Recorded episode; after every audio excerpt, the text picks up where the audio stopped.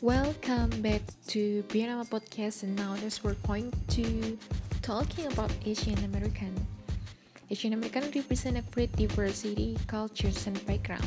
The experienced Japanese American whose family has been in the United States for three generations will be drastically different from a Asian American who has only been in the US for a few years. This section primarily discusses Chinese, Japanese, and Vietnamese immigrants and shows their differences between their experience, how and why they came. While the national and ethnic diversity of Asian American immigration history is reflected in the variety of their experience in joining American society.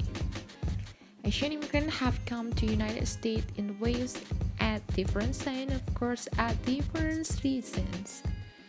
The first Asian immigrants to come to United States in the mid 18th century were Chinese. These immigrants were primarily mean whose intention was to work for several years in order to earn incomes to support their families in China. Their main destination was the American West where the gold rush was drawing people with its year of abundant money. The construction of the Transcontinental Railroad was underway at this time, At the Central Pacific Station hired thousands of migrant Chinese men to complete the laying of rails across the Rock Sierra Nevada mountain range. Chinese men also engaged in other manual labor like mining and agriculture work. The work was grueling and underpaid, but like many immigrants, they preserve.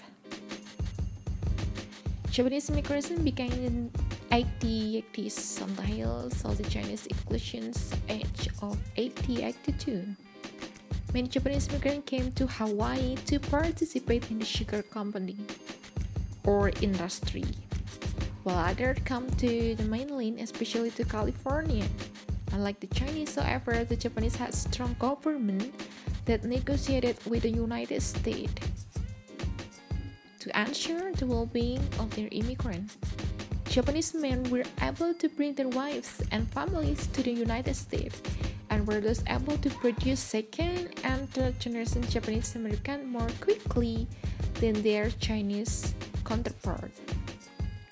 The most recent large-scale Asian immigrations came from Korea and Vietnam and largely took place during the second half of the 20th century. While Korean immigrations have been fairly gradual, Vietnam's immigration occurred primarily post 1875 after the fall of Saigon and establishment of restrictive communist policies in Vietnam. Whereas many Asian immigrants came to the United States to seek better economic opportunities, Vietnamese immigrants came as political refugees seeking asylum from harsh conditions in their homeland. The Refugee Act of 18 helped them to find a place to settle in the United States. And how their current status right now, so Asian Americans certainly have been subject to their share of racial prejudice despite the seemingly positive stereotype as the model minority. The model minority stereotype is applied to minority group that is seen as reaching significant educational, professional, and socioeconomic levels without challenging the existing establishment. This stereotype is typically applied to Asian group in the United States and can result in unrealistic expectation putting stigma on members on this group that do not meet the expectation.